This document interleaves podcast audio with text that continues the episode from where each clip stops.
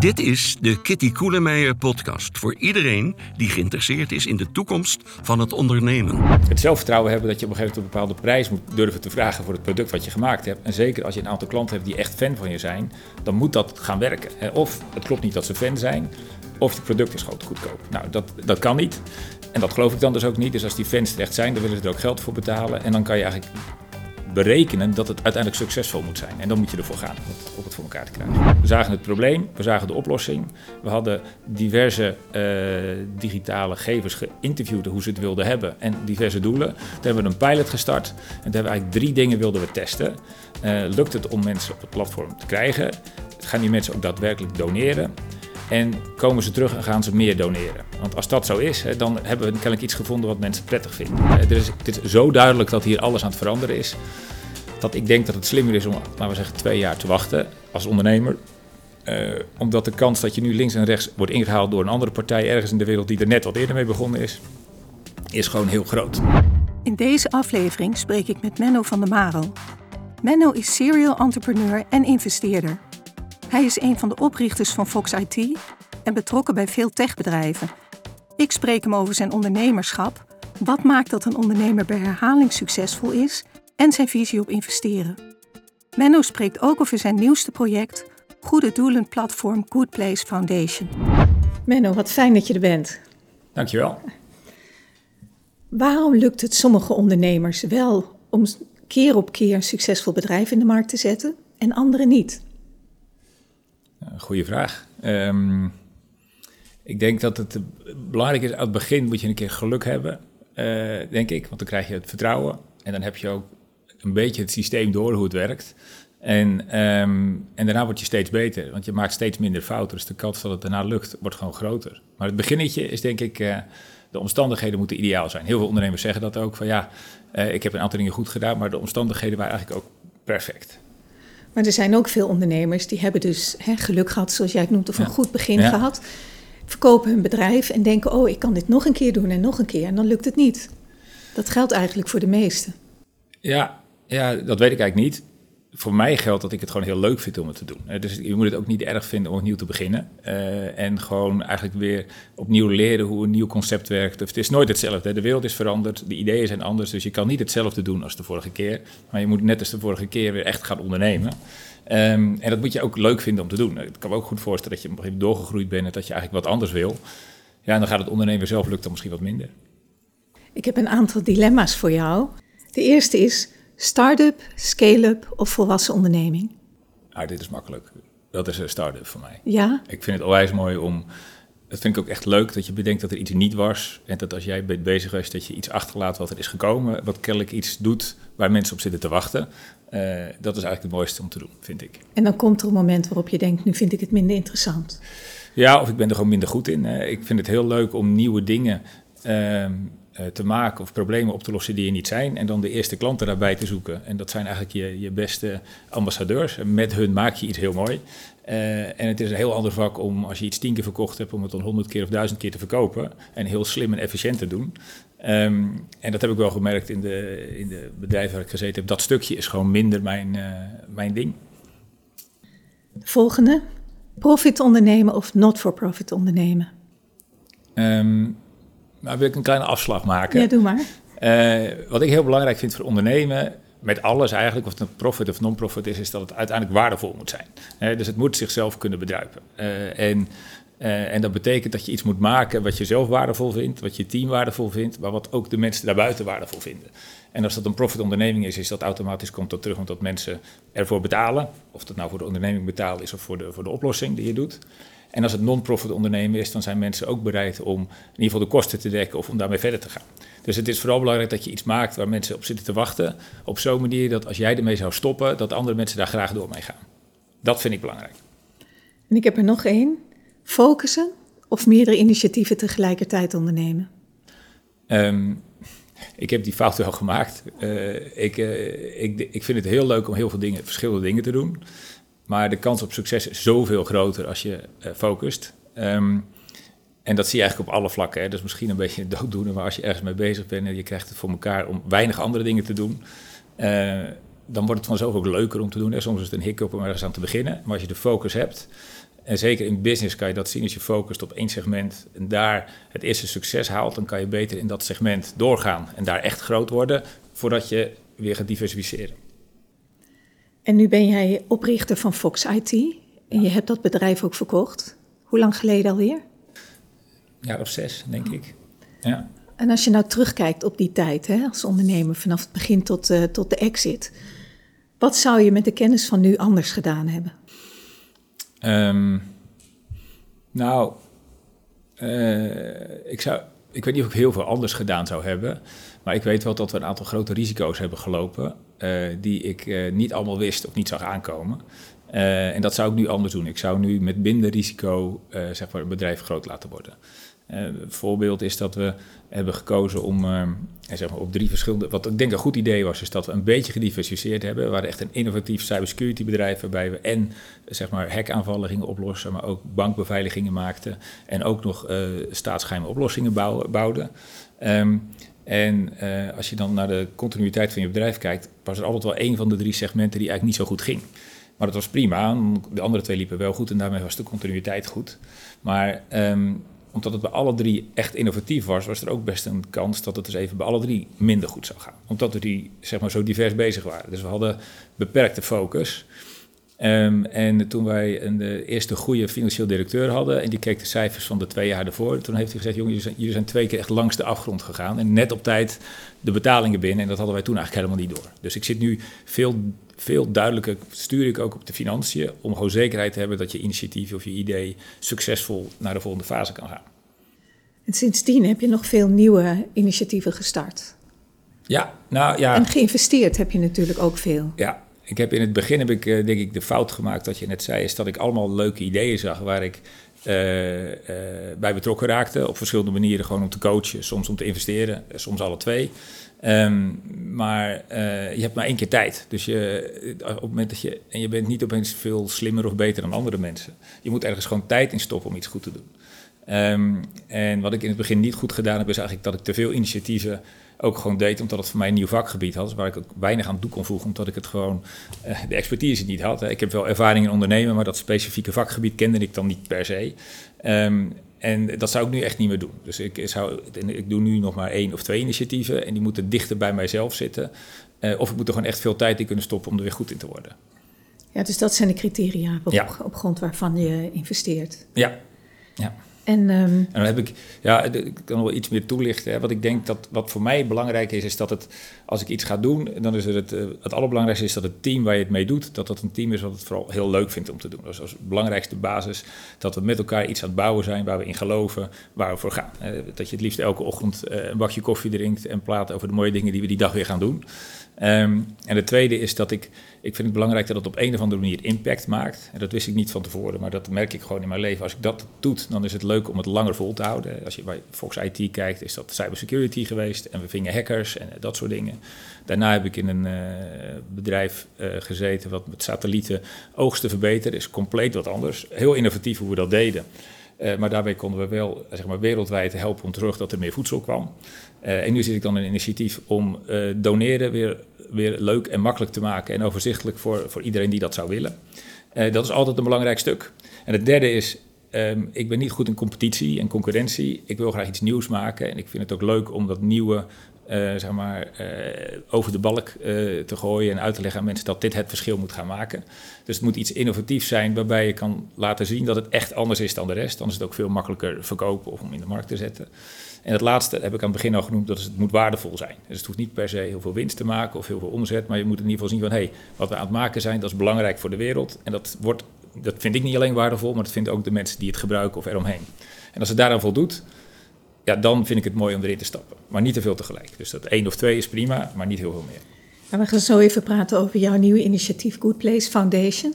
Ja. Maar eerst wil ik nog van jou weten: het punt is als je met een nieuw project begint of je investeert, waar ligt dan het moment dat je besluit: dit wordt het niet of dit wordt het wel? Hè? Want het is natuurlijk verleidelijk om maar door te gaan. En hè, er is al zoveel in geïnvesteerd, ik heb er al zoveel tijd in zitten. Wat, wat zorgt er nou voor dat je zegt: ik stop of ik ga toch door? Um, dat een beetje per investering is dat anders. Maar uiteindelijk is het allerbelangrijkste voor mij is dat er een aantal klanten mij op een gegeven moment overtuigen dat dit echt wat wij aan het doen zijn zo belangrijk voor ze is dat het echt het verschil maakt. En dat is, dat zit, in die impact is dat wel interessant, want dat is vaak klanten die dan geloven ook dat er een verschil moet komen. En als ze dan één keer zien van hé, hey, maar de manier waarop wij dat aanpakken is een heel goed idee. Ehm, dan is dat ook een goed moment voor jezelf om te bepalen van hé, hey, maar als deze paar klanten dit heel belangrijk vinden, dan moet dat segment groot genoeg zijn. Omdat het is niet zozeer tractie in aantallen, Nee. Maar echt kwalitatief, echt in inhoud. Ja, en het liefst, die klanten, dat, dat, worden uiteindelijk nou je beste ambassadeurs. Dus als jij iets maakt, als ik nu even naar die, dat satellietbedrijf kijk, er waren dus een aantal partijen die, uh, wij maakten uh, systemen dat je dwars door de wolken heen kon zien hoe vochtig de bodem was. Dag in, dag uit. En daardoor kon je heel goed zien hoe vruchtbaar de bodem was en hoe goed je daar oogsten mee kan maken. Maar er is heel wat stapjes naar een boer, tot een boer dat ook wil gebruiken. Um, uh, en het is ook best ingewikkeld om dat over de hele wereld te verkopen. Als je een organisatie bent van toen we begonnen waren met, met vijf mensen of zo. Uh, maar uiteindelijk hadden we een paar, wat een hele grote verzekeraar, uh, wereldwijde herverzekeraar, die geloofde er heel heilig in dat we dat konden gebruiken om ook verzekeringen veel goedkoper te maken over de hele wereld. En ze hadden nog een paar klanten, terwijl we nog heel klein waren. Maar die hebben ons ook overtuigd van, maar als je dit echt goed maakt, dan, hè, dan, dan kunnen we echt een verschil maken. Nou, dat, dat overtuigt. En dan is het ook niet erg om te investeren. Want je moet zelf geloven in je product. Als je niet meer in je product gelooft, is dat ook een goede reden om het eventueel niet meer te doen. Ja. En die, die ondernemingen die jij bent begonnen, of die initiatieven, is dat dan meestal je eigen idee? Of kom je mensen tegen waarvan je denkt, hé, hey, dat is interessant? Ja, het is het is heel moeilijk om eh, in je eentje echt iets te verzinnen. En ik denk dat dat voor heel veel mensen is, het ontstaat vaak niet helemaal in je eentje, maar het ontstaat in gesprekken. En, en dus ik heb veel gesprekken met mensen, vind ik ook heel leuk om over nieuwe dingen te praten, problemen die er zijn en oplossingen. En wat er bij mij dan gebeurt is dat ik ga daarover na blijven denken, uh, vaak langer dan andere mensen. En op een gegeven moment denk ik van, hé, hey, maar dit, dit is een oplossing die kan, die is ook zeg maar rendabel te maken en daar kunnen we mee door. En als dat zo is, dan zoek ik eigenlijk opnieuw die mensen op. Om te kijken, jongens, is dit echt een goed idee? Uh, want we hebben het er een keer over gehad. En als dat dan blijft, blijft plakken bij mij. En uiteindelijk wil je dat het op een bierveeltje werkt al. Hè, dus je moet denken, als dit, dit moet heel goed werken, wil het ooit een succes kunnen zijn. Um, dus het is meestal niet mijn idee. Het is meestal wel zo dat ik degene ben geweest die zegt van... hé, hey, we moeten er echt we moeten drie stappen verder gaan. We moeten het gewoon echt gaan doen.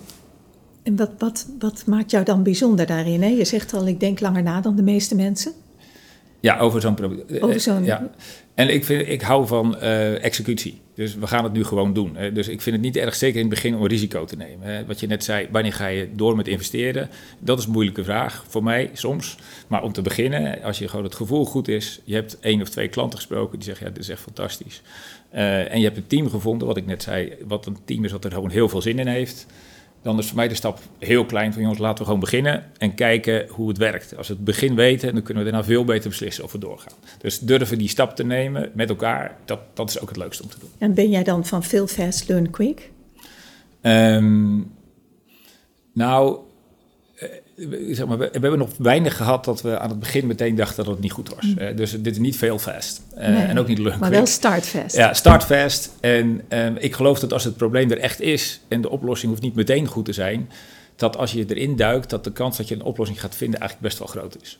Uh, het is wel heel moeilijk om het uiteindelijk echt succesvol te krijgen. Hè? Dus ik, ik begeleid best wel een paar bedrijven die zeg maar, tot zeg maar, een omzet hebben van een miljoen of zo, maar, maar ook blijven struggelen om het, om het zeg maar, goed uh, zelfstandig te krijgen en goed door te kunnen groeien. Dat is echt heel lastig. Dat beginnetje is uh, iets waar ik goed in ben. Dat tweede stuk, dat wil ik altijd wel nog doen, uh, maar dat is een stuk lastiger om te doen. Wat heb je daarvoor nodig om dat goed te doen? Um, ja, en je moet, dan moet je dus echt het, het commerciële inzicht hebben en ook durven um, iets met je product-marktcombinatie te doen, dat je um, uh, het verschil gaat maken. Uiteindelijk moet er natuurlijk geld binnenkomen om door te kunnen innoveren. En uh, dat is ook de, de, het zelfvertrouwen hebben dat je op een gegeven moment een bepaalde prijs moet durven te vragen voor het product wat je gemaakt hebt. En zeker als je een aantal klanten hebt die echt fan van je zijn, dan moet dat gaan werken. Of het klopt niet dat ze fan zijn, of je product is gewoon te goedkoop. Nou, dat, dat kan niet. En dat geloof ik dan dus ook niet. Dus als die fans er echt zijn, dan willen ze er ook geld voor betalen. En dan kan je eigenlijk berekenen dat het uiteindelijk succesvol moet zijn. En dan moet je ervoor gaan om het, voor elkaar te krijgen. Niet gegarandeerd, maar dan voelt het wel comfortabel met je team om dat te gaan doen. Want dat, dat zou moeten kloppen. En waarom vind jij dat moeilijker? Um, omdat ik heb een beetje het geluk gehad bij, bij Fox IT dat bijna altijd de business die wij deden, die was urgent. Want wat gebeurde er? Een bedrijf werd gehackt, dan zit je automatisch bij de directie, moet nu wat gebeuren. Dus dat was, verkopen toen was heel simpel, hè, want het moest gewoon gebeuren. En bijna alle andere bedrijven, die hebben niet zo'n ontzettende urgentie bij klanten. Dus dat betekent dat je uh, eigenlijk altijd in de wacht wordt gezet voor het type business wat ik doe. Dus namelijk vernieuwend, innovatief en wel een businessverbetering, maar een stukje onzekerheid. Uh, dus ook als je, laten we zeggen, tien klanten hebt die fan zijn, betekent dat niet dat het heel makkelijk gaat zijn om de volgende 30 erbij te halen. Dus dat is heel moeilijk. Dus hoe urgent is het nou eigenlijk echt bij een klant om, om die stap te nemen en verder te gaan met jouw product? Dat, dat, dat is echt heel lastig. Met wel, welke initiatief of welke onderneming uh, ben je het meest trots op? Tot nu toe. Goeie vraag. Um, ik ben niet zo snel trots eigenlijk als ik nu terugdenk, denk ik dat Fox IT een enorm succes was. Zeker als ik het vergelijk met wat er voor de rest toen gebeurde. Uh, als ik terugkijk. Uh, en daar ben ik nu eigenlijk behoorlijk trots op. Maar toen ik daarmee bezig was, heb ik dat helemaal niet gerealiseerd. Zelfs bij de verkoop niet gerealiseerd. Um, maar als ik zie hoeveel risico's we toen genomen hebben in een vakgebied dat zo onbekend was. En dat we op tijd bepaalde dingen hebben gezien, ben ik echt heel trots op. Eén eh, voorbeeld nog is dat we, we waren altijd bezig met incidenten onderzoeken en dingen uh, beveiligen. En wij waren een van de eerste, ik denk wereldwijd, hebben gezegd dat lukt niet meer om het veilig te maken. We moeten gaan monitoren zodat we op tijd kunnen ingrijpen als het misgaat. Dat is echt een mind switch is dat geweest. Hè. Uh, we wilden de top van Europa worden voor security monitoring. En dat hebben we echt jaren voor de markt uitgezegd. En toen zijn we daarin gaan investeren. Wat weer een risico was natuurlijk. Maar we hadden wel één of twee klanten die ons ook geloofden.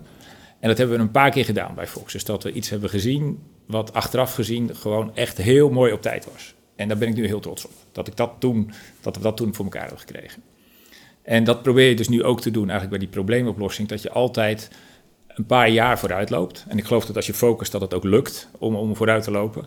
En, um, uh, en dat is uiteindelijk vind ik nu ook het leukste om te doen. Heb je ook initiatieven op het gebied van uh, artificial intelligence? Um, het, het, is enorm uh, hot natuurlijk op dit ja. moment. Het is ongelooflijk als je podcast luistert. Uh, ja. als je, nou, iedereen is ermee bezig. Ja. Um, en ik ben er geen expert in. Ik heb er wel een mening over en ik denk dat het fantastisch is wat er allemaal gebeurt.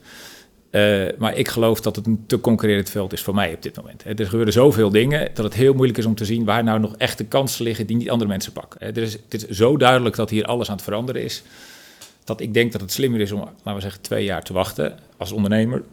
Uh, omdat de kans dat je nu links en rechts wordt ingehaald door een andere partij ergens in de wereld die er net wat eerder mee begonnen is, is gewoon heel groot, vind ik.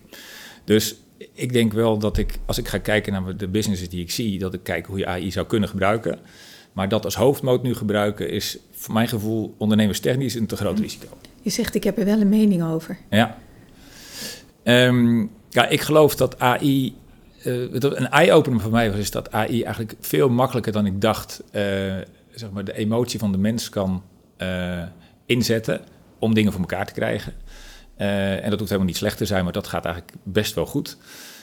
Aan de andere kant geloof ik wel dat we als mens uiteindelijk de sociaal... Wij groeien steeds meer als sociaal wezen, zullen dat zullen we altijd nodig houden. Dus we groeien nog meer strakjes naar elkaar toe, omdat alle andere dingen die zijn uitbesteed. Dus we krijgen straks gewoon meer tijd om met elkaar de dingen te doen die we echt belangrijk vinden.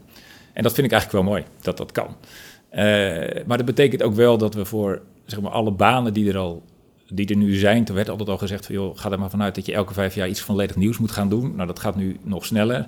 En voor, voor leerlingen op school, hè, ik heb drie kinderen, drie pubers, um, ja, die leren nu iets, maar die, weten eigenlijk, die hebben geen idee wat ze later gaan worden. En dat kan ook niet, want tegen de tijd dat zij gaan werken is de wereld gewoon echt veranderd. Dus um, ja, dat vind ik wel interessant, want er zijn als mens behoorlijk flexibel, zeker als je jong bent. En dat zal alleen nog maar meer gebeuren de komende tijd. Omdat AI heel veel gaat overnemen. Dus er blijven volgens mij interessantere dingen over voor ons. Had jij wel een idee wat je wilde worden op de middelbare school?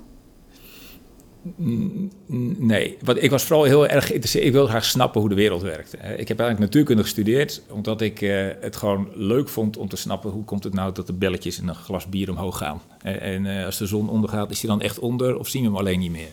Dus ik, wat dat gaat was ik wel echt een nerd volgens mij, dat ik het leuk vond om dat soort dingen te leren. Maar wat ik er dan precies mee moest gaan doen, eigenlijk geen idee.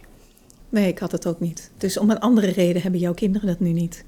Ja, ja precies. Ja. maar dat is volgens mij ook helemaal niet zo heel erg. wat ik belangrijk vind als kind, als je een over, dat je gewoon een overtuiging hebt dat je iets doet omdat je dat leuk vindt om dat te doen. En dat je daar tijd in durft te stoppen om het te doen. Want dan, als je dat goed kan, hè, die is ergens in verdiepen en daarin gaan, uh, goed in worden, dan kan je dat later ook makkelijk. Hè. Dus het is vooral durven diepgang te pakken ergens, dat is volgens mij belangrijk voor, uh, voor, voor je ontwikkeling. Je kijkt positief naar de toekomst, denk ik. Ja, absoluut. Ja, lig je nog ergens wakker van? Um, nou, ik werd altijd al gezegd, dat is zeg maar ook in de verschillende bedrijven waar ik heb gezeten, dat ik altijd eigenlijk iets te positief was voor alles wat er gebeurde. Um, en dat geeft me ook wel een comfortabel gevoel. Hè? Dus als je positief ergens over bent, dan kan je makkelijk glimlachen. Dan voel je je ook beter. Um, en de wereld wordt er sowieso niet slechter van als je dat doet. Dus het heeft, voor mijn gevoel heeft dat niet zo heel veel uh, zin. En ik geloof dat je heel veel dingen kan aanpakken. Dus dat we, als er een probleem ergens is en we zijn creatief met elkaar, dan kunnen we dat oplossen. Uh, en aan de andere kant geloof ik ook dat we mee moeten gaan met de flow die er is als mensheid en aarde. De, we kunnen niet de flow die er is volledig stoppen. Dus ja, er zijn ook dingen die in de ellende gaan, dat snap ik ook wel. Maar daar kunnen we beter mee dealen en dan zorgen dat we daar binnen weer zo goed mogelijk oplossen, dan dat je daar enorm veel zorgen over maakt. Want ja, het is wat het is, dat gaat niet zomaar veranderen. Daar zijn we als mens uiteindelijk te simpel voor. We kunnen niet goed genoeg samenwerken om met z'n allen uh, de wereld te veranderen. Over de wereld verbeteren gesproken, hè? je hebt een nieuw initiatief, dat heet Good Place Foundation. Uh, hoe lang ben je er al mee bezig? Wat wil je daarmee doen, moet ik eigenlijk vragen. Oké, ja, ik ben er al even mee bezig. Uh, bijna twee jaar ondertussen. Best lang, vind ik. Um, maar uh, er is een probleem wat steeds groter wordt. Uh, en dat is, ik denk dat heel veel mensen eigenlijk het belangrijk vinden om te doneren.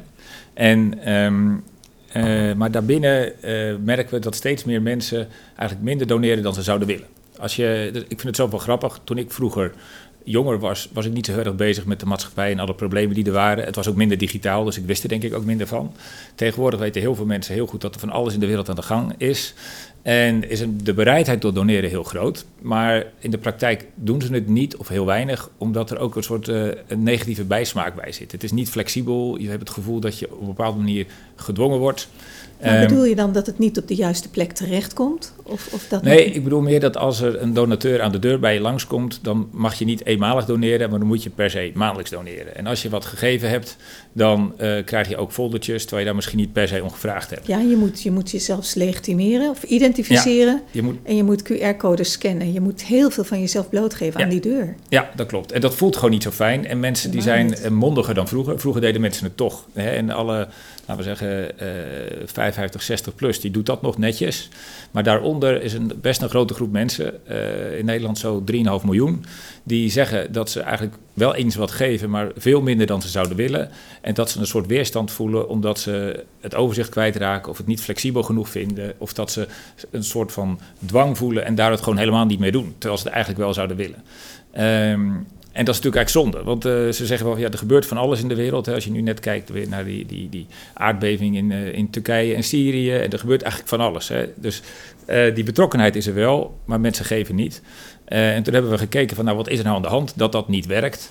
Uh, en we hebben ook de goede doelen gevraagd hoe dat zit. En die zeggen eigenlijk, ja, wij willen die connectie met onze uh, donateurs wel maken, maar het is best lastig om die digitale groep te krijgen.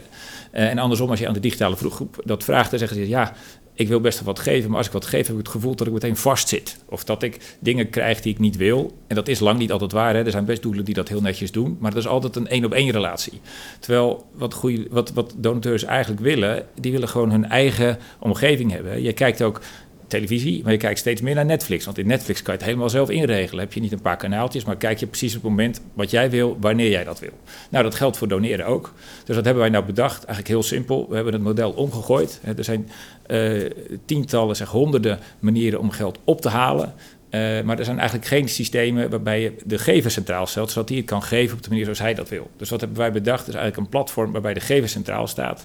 En dat je kan makkelijk flexibel kan geven, dat je het overzicht houdt wat je gegeven hebt en dat je kan zien wat er met het geld gebeurt.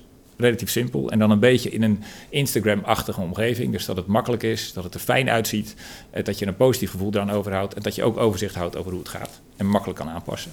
En is de gedachte erachter dat donateurs een soort budget hebben in gedachten wat ze willen gebruiken om te doneren? Dat je de controle daarover een beetje kwijt bent met al die deur-tot-deur acties? Ja, ja dus dat, je, dat kan. Hè. Dus je kan zeggen, de, de, idee is dat bijna iedereen die zegt, ja, ik wil best wel wat geven. Sommige mensen hebben een percentage van hun eh, salaris. Andere mensen zeggen, ja, per maand wil ik gewoon een x-bedrag best wel geven. Uh, alleen als ze dan terugkijken, en dat doe je soms met de Belastingdienst, dan kijk je terug, dan heb je eigenlijk bijna niks gegeven. Of je had het eigenlijk misschien willen doen, maar het was er niet. Of je hebt één keer een keer een bedrag gegeven, maar je weet niet meer precies waaraan.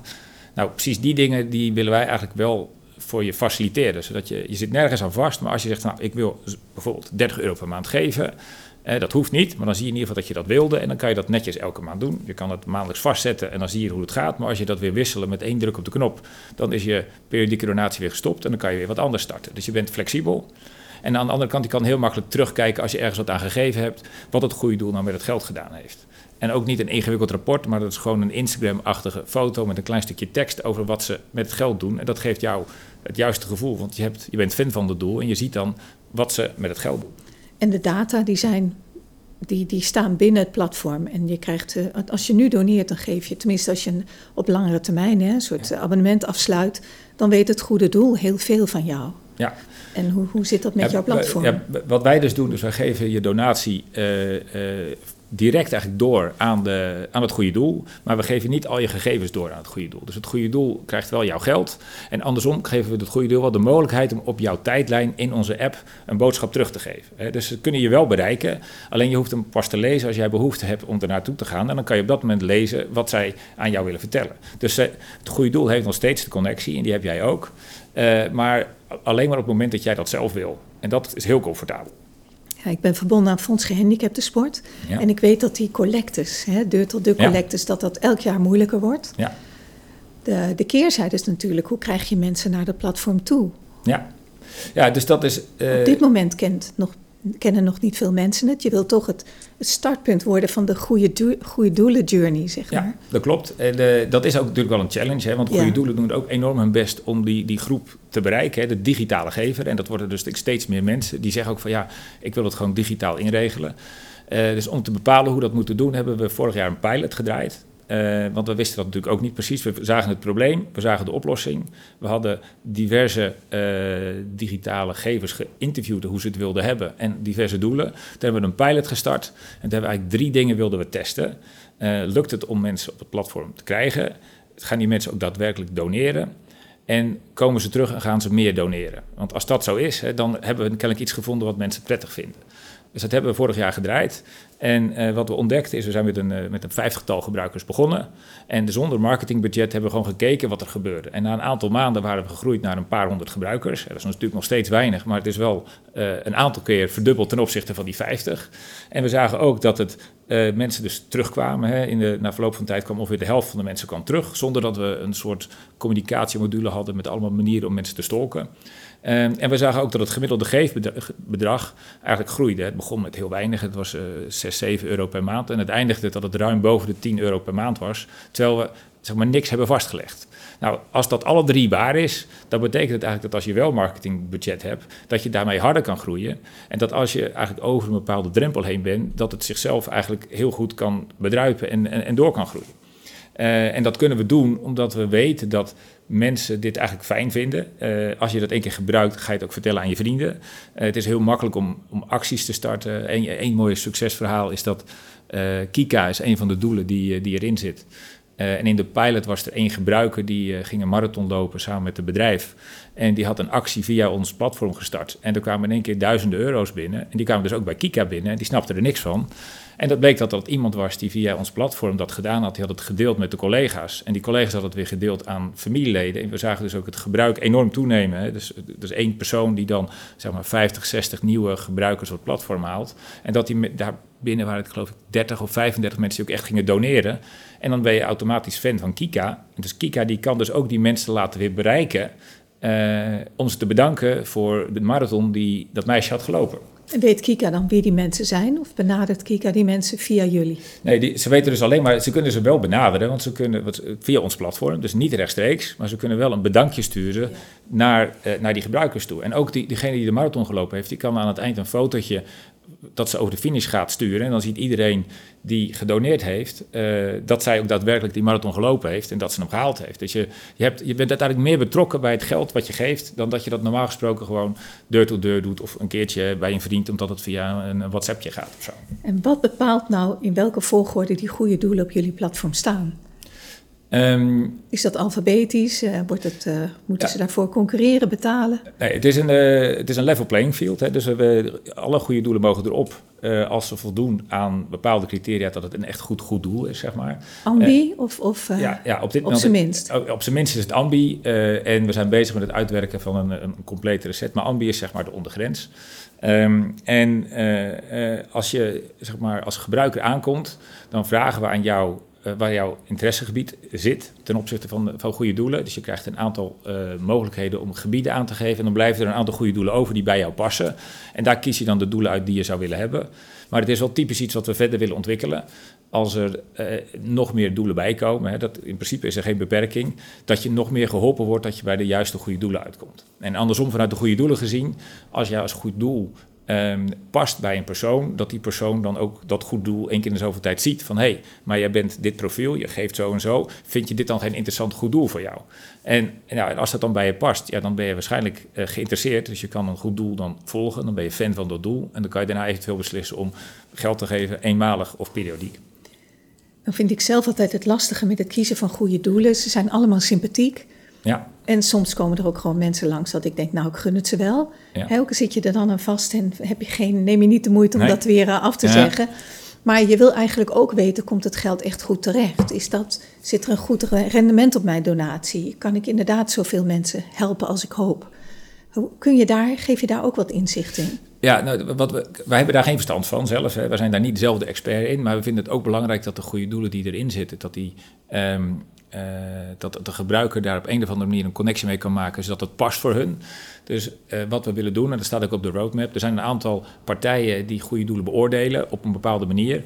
Uh, en als dat passend is voor ons, willen wij dat eigenlijk in de app beschikbaar stellen, zodat je kan zien met de kwalificaties die jij belangrijk vindt, hoe goed een goed doel is. En dat is een beetje verschillend per persoon. Dus ik geloof niet dat er een, een absolute waardering voor goede doelen is. Als mensen het heel belangrijk vinden om laten we zeggen, een kinderenhuis te helpen, wat in Tanzania zit, dan zijn er andere kwalificaties dan dat je zoveel mogelijk mensen wil redden van malaria bijvoorbeeld. En het een hoeft niet per se beter te zijn dan het andere. Net afhankelijk van hoe een persoon erin zit. Dus we willen dat wel faciliteren, maar worstelen nog wel een beetje met de manier waarop je dat nou zo kan doen dat het de gever echt helpt zoals hij dat zou willen hebben. Ja, want ik zou wel een keuzehulp willen hebben in zo'n situatie. Ja, en zeker ook voor mensen die nog niet veel gegeven hebben en jongeren die wat minder ervaring hebben, is dat typisch iets. We hebben ook een, een, een user group van, uh, van uh, op dit moment van 18 gebruikers. Uh, en dat is een beetje een dwarsdoorsnede van de digitale gever. En dat is ook teruggekomen. Hè, dat van ja, ik wil eigenlijk best wel geven. En ik ben ik fan van natuur of voor, dat, voor klimaat. Maar ja, er zijn er heel veel van. Wie moet ik nou daarmee het meest steunen? Dus we hebben ook al eens gedacht, misschien moeten we een cocktail maken. Of weet ik. Dus dat, dat is wel iets wat, wat er staat voor nu willen we focus hebben. We hebben het al even gehad over als je iets succesvol wil neerzetten. We hebben nu gezegd, nee, we willen gewoon goede doelen neerzetten die de gevers willen hebben. En zo efficiënt mogelijk eigenlijk zorgen dat dat geld wat die gevers willen geven bij het goede doel terechtkomt. En dat het goede doel op een hele eenvoudige manier laat zien wat ze met het geld doen. Dan heb je wel een connectie, uh, maar die effectiviteitsvraag, die, die hebben we nu nog niet erin zitten. Ik hoor je wel zeggen overigens praten over het aantal uh, gebruikers, aantal donateurs. Maar bij een dergelijk platform heb je vaak toch een, het vliegwiel nodig. Hè? Dat je aan de ene kant heb je donateurs nodig en aan de andere kant de goede doelen. Ja. Als het aan één kant uh, ontbreekt, dan wil de andere kant ook niet meer. Heb je genoeg goede doelen? Want ik hoor je daar niet over. Uh, heb je, um, zitten ze er allemaal op? Nee, ze zitten er nog niet allemaal op. Uh, het is wel zo dat we, get, we, we, hebben getest met uh, een, een, beperkt aantal grote goede doelen, een aantal middengrote goede doelen, een aantal kleine goede doelen. Ook om te kijken hoe dat werkt naast elkaar. Dat werkt eigenlijk heel goed. En die waren heel lastig om te overtuigen om te starten, want toen hadden we eigenlijk nog niks. En toen hadden we vrij snel hadden we 15 goede doelen erin zitten. En dat waren gewoon uitstekende doelen die, die werkten. En nu zien we eigenlijk dat veel goede doelen het zien als een nieuw marketingkanaal. Uh, en die het ook wel zien als een experiment van... hey, dat digitaal geven, dat lukt ons zelf niet zo heel goed. Misschien kunnen we hier... is dit wel het kanaal wat werkt? En het kost uiteindelijk een goed doel vrijwel niks om mee te doen. dus we zijn eigenlijk elke week krijgen we aanvragen van goede doelen die, die erbij willen. Het aansluiten zelf is niet heel makkelijk, omdat het uiteindelijk het een financiële koppeling. Die moet wel perfect werken. En zowel het goede doel moet dat helemaal vertrouwen als wij moeten dat helemaal vertrouwen. Dus het aansluitproces, dat zou sneller kunnen. Maar het is onze bedoeling dat we eigenlijk zo snel mogelijk groeien naar 100 goede doelen. We zitten er nu op 30. Uh, en nagenoeg elke week sluit er iemand aan. Maar dat moet een stuk sneller gaan. Um, en uh, als we één keer zeg maar, in de basis 100 plus goede doelen erin hebben zitten, dan kunnen we makkelijker de vraag vanuit de gever vragen van welke mis je nou het meest. En dan gaan we zorgen dat die goede doelen erin komen. En die digitale gever waar je het over hebt, hè, kun je die typeren? Want je hebt natuurlijk, op, op dit moment gaan natuurlijk de meeste donaties met, uh, ja, je kunt je natuurlijk, je kunt je natuurlijk abonneren, hè, als ik het zo mag noemen. Er komen collectes aan huis. Er komen ook vaak studenten aan huis via bureaus die dan jou proberen hè, tot een langdurige verbinding ja. te verleiden. Die komen overal. Die, die kijken echt niet naar leeftijd. Die kijken misschien naar, naar welvaartssituatie in een wijk. Maar wie zijn, die, wie zijn nou echt jullie doelgroep? Ja, dus de, wij denken dat het um, de, zeg maar, de millennial en dat is zeg maar van, van zo'n beetje 23, 24 tot uh, 40, 45 ondertussen. Dat dat de focusgroep is. En dat zijn eigenlijk allemaal mensen die al helemaal digitaal zijn opgegroeid. Um, en die het liefst ook zoveel mogelijk dingen digitaal willen regelen. Als je die mindset hebt gemaakt, wil je dat eigenlijk gewoon overzichtelijk, makkelijk, flexibel regelen. Dus dat is de, de kerndoelgroep. Daar hoor ik zelf net niet meer bij, helaas. Uh, maar wat ik zelf merk, dat als dat zeg maar, voor die groep gemaakt is, dat uh, zeg maar, de groep die er net na komt uh, en die wel digitaal is, die heeft een ander soort frustratie overigens met betrekking tot geven. Die heeft vaak wel al diverse doelen waar ze aan geven. Um, maar die zou dat ook eigenlijk prettiger ingeregeld willen hebben. Um, en uh, dus we denken eigenlijk dat dat vrij snel daarna zou volgen. Uh, en misschien gaat het wel gewoon parallel. Ja, en, en vergeet niet hoeveel oudere mensen dingen digitaal doen, hè? Reizen boeken. En, ja. ja, dus ja. Die, dat gaat heel, eigenlijk ja. heel snel. Maar om te leren ook vanuit je doel hoe je het zo makkelijk mogelijk gaat maken, maakt, hè, want we krijgen van hun ook feedback terug, dan is dat, is dat die groep. En was het makkelijk voor jou om financiers te vinden voor dit initiatief? nou, we hebben het begin hebben we eigenlijk helemaal zelf gefinancierd. en toen we één keer het succesvol aan de praat hadden met die pilot, toen hebben we gezegd van ja, als het alleen een goed idee is van ons, dan voelt dat niet helemaal goed. Het moet breder gedragen worden. Uh, en we hebben ook breder uiteindelijk ambassadeurs nodig om dit probleem op te lossen. Dus toen zijn we aan de slag gegaan om, uh, om te kijken of dat breder gedragen werd en of er ook breder funding kon komen. Dat was niet een goed moment, want nou, uh, iedereen weet dat de economie op dit moment net eventjes wat minder lekker in zijn vel zit. En dan gaan dit soort dingen leiden daar het meest onder. Um, dus het viel tegen vorig jaar om om het zeg maar zomaar uit te vragen.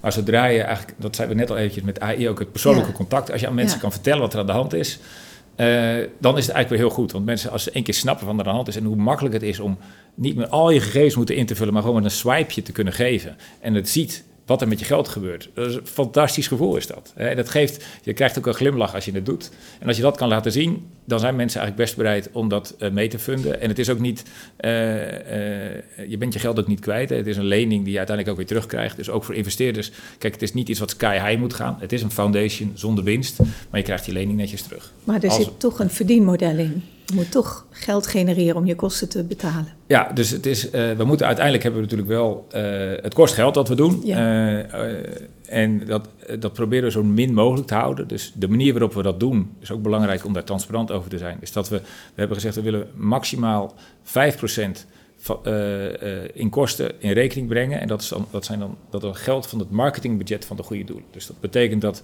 een, uh, een donatie die iemand geeft, die gaat volledig naar het goede doel toe.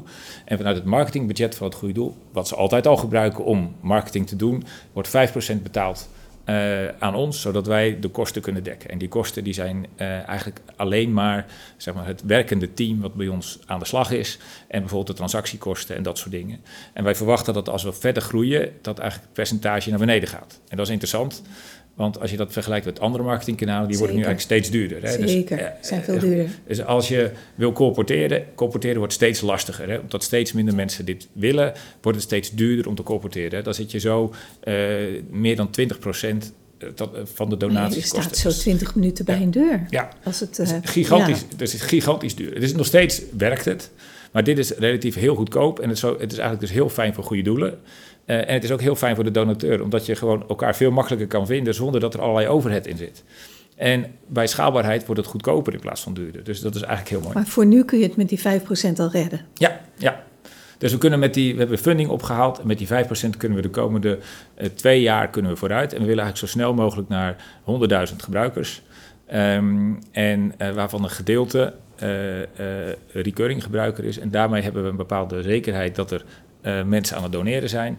En daarmee kunnen we eigenlijk Nederland goed faciliteren. Maar we hebben het eigenlijk ook meteen zo gemaakt dat het internationaal verder zou kunnen groeien. En dan wordt het nog goedkoper, dus dan gaat het percentage nog verder naar beneden. Zijn er internationale initiatieven die hierop lijken? Um, er is wel wat. Hè, dus het, bijna alles is andersom. Hè. Wat we zeggen is dat het gaat over geld ophalen in plaats van mhm. de gever centraal mhm. stellen. Uh, maar er zijn één of twee initiatieven, maar dat zijn commerciële initiatieven. Hè, dus daar wordt er geld verdiend. En wij geloven dat dit concept eigenlijk niet, zich niet leent voor een, commerciële oplossing. Hè. Ik bedoel, dat is, er zit zoveel wrijving tussen mensen die geven en, uh, en goede doelen dat dat geld kost. Dus zo'n concept moet wat mij betreft dus non-profit zijn, omdat het anders nooit passend kan blijven groeien. Als je luistert naar presentaties van succesvolle start-ups, dan zie je heel vaak een ondernemer, zeker internationaal, die begint met een groot maatschappelijk probleem. Ja. Hè, wat je aanpakt, oplost, of dat nou files is of wat dan ook. En dan, uh, ja, dan, dan is de truc dat dat schaalbaar is, naar bij voorkeur wereldwijd. Ja. Ben jij ook zo aan het denken geweest hierover? Ja, ja, zeker. We hebben ook meteen, uh, we hebben eigenlijk in de pilot eerst wilden een kleine pilot bouwen die heel simpel was. En toen hebben we ons laten overtuigen door de partij die, uh, uh, die, de, die de app gebouwd heeft, Global Orange. Die heeft destijds ook Tiki gemaakt en die snapt echt al hoe het werkt. En die zei van ja, je kan het natuurlijk heel simpel en klein maken. Maar als het straks succesvol is, heb je maar één keer een keer dat je een brand in de markt kan zetten. Dus je kan het beter meteen goed doen. En toen hebben we nagedacht, moet het nou een Nederlands initiatief zijn of een internationaal initiatief? En in die periode werden we eigenlijk gevraagd al heel snel door mensen uit Amerika die met goede doelen bezig waren en mensen in Duitsland. En die zeiden alle twee van ja, wij lopen eigenlijk achter, zeker digitaal ziet ten opzichte van Nederland. Wat jullie aan het doen zijn, dat is echt fantastisch. dus wij, wij, lopen nog mijlen verder achter, maar als het succesvol wordt in Nederland, dan willen wij dat heel graag adapteren. En dat was voor ons eigenlijk het moment dat we zeiden van ja, dan moeten we zorgen dat het meteen een, een, een, internationale app is. Dus als je hem nu downloadt in Nederland, dan is die Nederlands. Maar als je je telefoon op Engels hebt staan, dan zie je ook dat hij bijvoorbeeld Engels is. En denk je er ook na over, ja, dat is dan Nederlands, om een ambi-status aan te vragen of een B-corp te worden? Ja, ja we hebben um, uh, onze eigen uh, systeem is, uh, is een, sorry, het plat gezegd, een ambi-doorvoerluik ja. geworden. Wij zijn zelf een stichting die in principe niks met het geld doen. Dus dat betekent dat wij niet zelf ambi zijn, want we hebben een, een, concept wat platform is. Maar we hebben wel de goedkeuring gekregen dat, zeg maar, als je een ambi-stichting bent en je geeft geld, dat je door ons heen de ambi-status houdt. En dat is eigenlijk al heel waardevol. Uh, want dat betekent dat je heel makkelijk kan faciliteren voor, voor al die goede doelen. En dat is ook een van de redenen dat die goede doelen makkelijk aansluiten, omdat ze daarmee uh, nou hun eigen ambistatus kunnen houden, waarbij het marketingkanaal gebruikt wordt van ons. Ja, wat je eigenlijk doet met deze app is je haalt de login weg bij bepaalde, bij bepaalde fondsen. Hè? Want juist omdat je niet alle fondsen apart op je telefoon wil hebben, je hebt er meestal een paar paar grote of, of kleinere waar, je dan, waar je dan geld aan geeft. Daar heb je dan vaak een overeenkomst mee, waardoor je elke maand een automatisch een bedrag wordt afgeschreven. Of omdat je bepaalde mensen in je omgeving hebt met een bepaalde ziekte, hè, diabetesfonds, nierstichting, hartstichting, geef je daaraan. En wat jullie eigenlijk doen is je haalt die lock-in eraf. En je, je, je vergroot die markt voor alle fondsen, voor, voor met name de kleinere fondsen moet ik zeggen. Dus wat ik me afvraag is die, die grotere goede doelen, heb je daar, voel je daar dan wat weerstand bij? Want die zouden dat zo kunnen interpreteren. Als ze groot denken niet, want als het goed is, dan wordt die taart gewoon veel groter. Nou ja, dat, wat ik zei, hè, dus je merkte wel dat er wat weerstand was. Maar eigenlijk alle doelen die in de pilot mee hebben gedraaid... Hè, dat is het gewoon de Wereld Natuur van Zin, uh, Kika, World Het zijn allemaal grote partijen die, die meegedaan hebben. En die hebben eigenlijk allemaal gezegd van... hé, hey, maar het lukt eigenlijk toch wel goed om de aandacht van de mensen te krijgen. Hè. En op het moment dat jij... Um, iets gegeven hebt, is het nu voor hun best wel lastig om precies die persoon dat briefje thuis te krijgen en daar wat mee te doen. Bij ons kan je direct, als je zegt, nou ik wil alle mensen die de afgelopen zes maanden 200 euro hebben gegeven aan mijn goed doel, wil ik een speciale boodschap geven.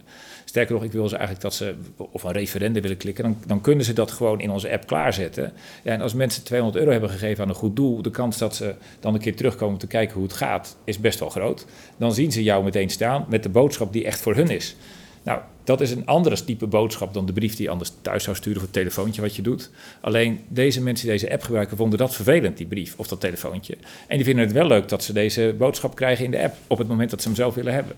Dus geven ze veel makkelijker op deze manier, terwijl ze gewoon eigenlijk niet meer geven digitaal. Omdat daar gewoon, of uh, op de ouderwetse manier, omdat daar gewoon weerstand is. Dus de mensen die dat nog fijn vinden, die kunnen het natuurlijk gewoon blijven doen. Maar er is een hele grote groep die dat niet meer doet gewoon. En die kan hiermee heel goed benaderd worden. Ja, en je vermindert de psychologische afstand ook wat. Hè? Want als het om doneren gaat, gaat het vaak om, om, om, ja, om, om situaties of plaatsen die ver weg van je zijn. Of sociaal, of fysiek, of in de tijd. En dan, uh, ja, dan, dan, dan stel je dat uit. Of je denkt, ja, het komt, ja. komt wel een keer. En met zo'n app zit je ook veel dichter op de mensen. Ja, je zit er dichter op. Je geeft het heel makkelijk. Uh, maar het voelt ook, kijk, je zei het net ook, je wordt soms overgehaald door iemand om even wat te geven, maar dan geef je het weg en dan denk je van, nou, het is weg. En wat je bij ons doet, je geeft hetzelfde bedrag, maar je krijgt meer het gevoel dat je echt wat bijdraagt, want wij, zeg maar, je, krijgt, je wordt bedankt voor hetgeen wat gedaan is en je krijgt later ook weer terug dat er iets is gebeurd. Dus je, het is ook, je voelt meer dat je iets bijdraagt. Dus het is ook een beter gevoel uh, voor jezelf. En, en andere dingen, dan nog één ding wat je net zei, is van ja, maar wat moet ik nou geven? Uh, wat we er ook in gaan maken, dat zit er nu nog niet in, een klein beetje zit erin, is dat je, als je niet goed weet, dat je kan zien wat jouw vrienden geven. Dus niet hoeveel ze geven, maar wel aan welke goede doelen ze geven. Dus als je dan ziet een goed doel wat je verder niet kent en je ziet dat een, een vriendin van jou dat geeft, daar wat aan geeft, dan ga je daar zelf ook even, wat is dat dan voor doel? En dan ga je misschien ook eens aan haar vragen van, joh, maar waarom geef je nou eigenlijk aan dat doel? Dus uh, dat is ook een hele leuke manier om voor jezelf te bepalen van waar wil ik nou eigenlijk bij horen. Het is toch een beetje een sociaal gebeuren. Zeker, zeker. Sociale, sociale imitatie, sociale druk, dat werkt heel goed. Ja. En het, het, voelt ook goed. Hè? Als je met elkaar weet van, joh, wij geven allemaal aan dit goede doel. Hè? Dan is het ook logisch om er eens een keer over te praten. En misschien wel een keer een actie ervoor te doen. Want je vindt het kennelijk allemaal belangrijk. En wat doe je nu anders als ondernemer bij deze start-up dan bij je andere initiatieven? Um, nou, er is, wat een lastig verschil is eigenlijk, is dat bij een gewone start-up, uh, daar zitten een aantal mensen bij elkaar, uh, en, maar die krijgen ook allemaal betaald. Een salaris wat marktconform is, of in ieder geval dicht daarbij. Of dat je met elkaar iets moet bereiken, omdat je later daar je brood mee gaat verdienen. Dus dan kan je heel veel van elkaar verwachten. En je hebt automatisch een systeem waarbij de dingen moeten gebeuren op tijd, omdat het anders niet goed gaat. En bij, we, we, runnen Good Place eigenlijk precies zoals een start-up. Maar er zit wel een verschil in, is dat we, uh, zeg maar, het gros van de mensen wat bij ons werkt, doet het helemaal gratis, omdat ze overtuigd zijn dat het moet gebeuren. Uh, um, maar dat betekent ook dat je minder makkelijk uh, keiharde deadlines kan stellen om dingen te doen. Of dat mensen even automatisch gaan overwerken omdat het moet. Hè. Als ze op vakantie gaan, gaan ze op vakantie. Terwijl jij misschien, dat is, ik heb dat als ondernemer graag, bepaalde mijlpalen haalt die je gewoon wil hebben op het moment dat ze er zijn. Uh, dus we runnen het echt als een start-up. Uh, en wat dat gaat ook lean en mean daar waar het nodig is. Uh, we zitten heel scherp op het geld, want het is het geld van de funders en deels van onszelf. Um, maar dat maakt het toch wel moeilijker, omdat je gewoon het... ja, het is toch een beetje een andere setting. Ik weet niet, dat kan je denk ik wel voorstellen. Ja, ja, zeker. Zeker kan ik me dat voorstellen. En daar tegelijkertijd moet je daar ook wel strak in zijn. Ja, aan de andere kant is doordat je het zo doet... Hè, en je, je, je luistert misschien ook nog meer naar uh, de mensen om dingen voor elkaar te krijgen. En in dit geval is het natuurlijk ook echt een consumenten-app. Dus de mensen die bij ons werken en met ons werken... en die doelgroepen waar we mee praten... die zijn eigenlijk van wezenlijk belang. Hè? Ik zei aan het begin, het belangrijkste is dat je uiteindelijk je klanten uh, je ambassadeurs worden en eigenlijk een soort verliefd worden op je product. Ja. Het mooiste wat je kan hebben is dat ze positief verslaafd raken aan dit systeem. Dus misschien kost het soms ook wel ietsjes meer tijd om dit te doen, maar dat je het wel daardoor nog beter kan maken. Nee, je hebt natuurlijk veel meer idealisme, veel meer liefde voor het werk. Alleen ja. je moet op datzelfde moment toch je klant wel goed blijven servicen. Ja. Want uh, die moet dat ook voelen. Ja. En voor mijzelf, ik zit ja. altijd op een of andere nauwe deadlines. Ik weet niet waarom, maar ik wil dan gewoon... jongens, voor de zomer moeten we groot live.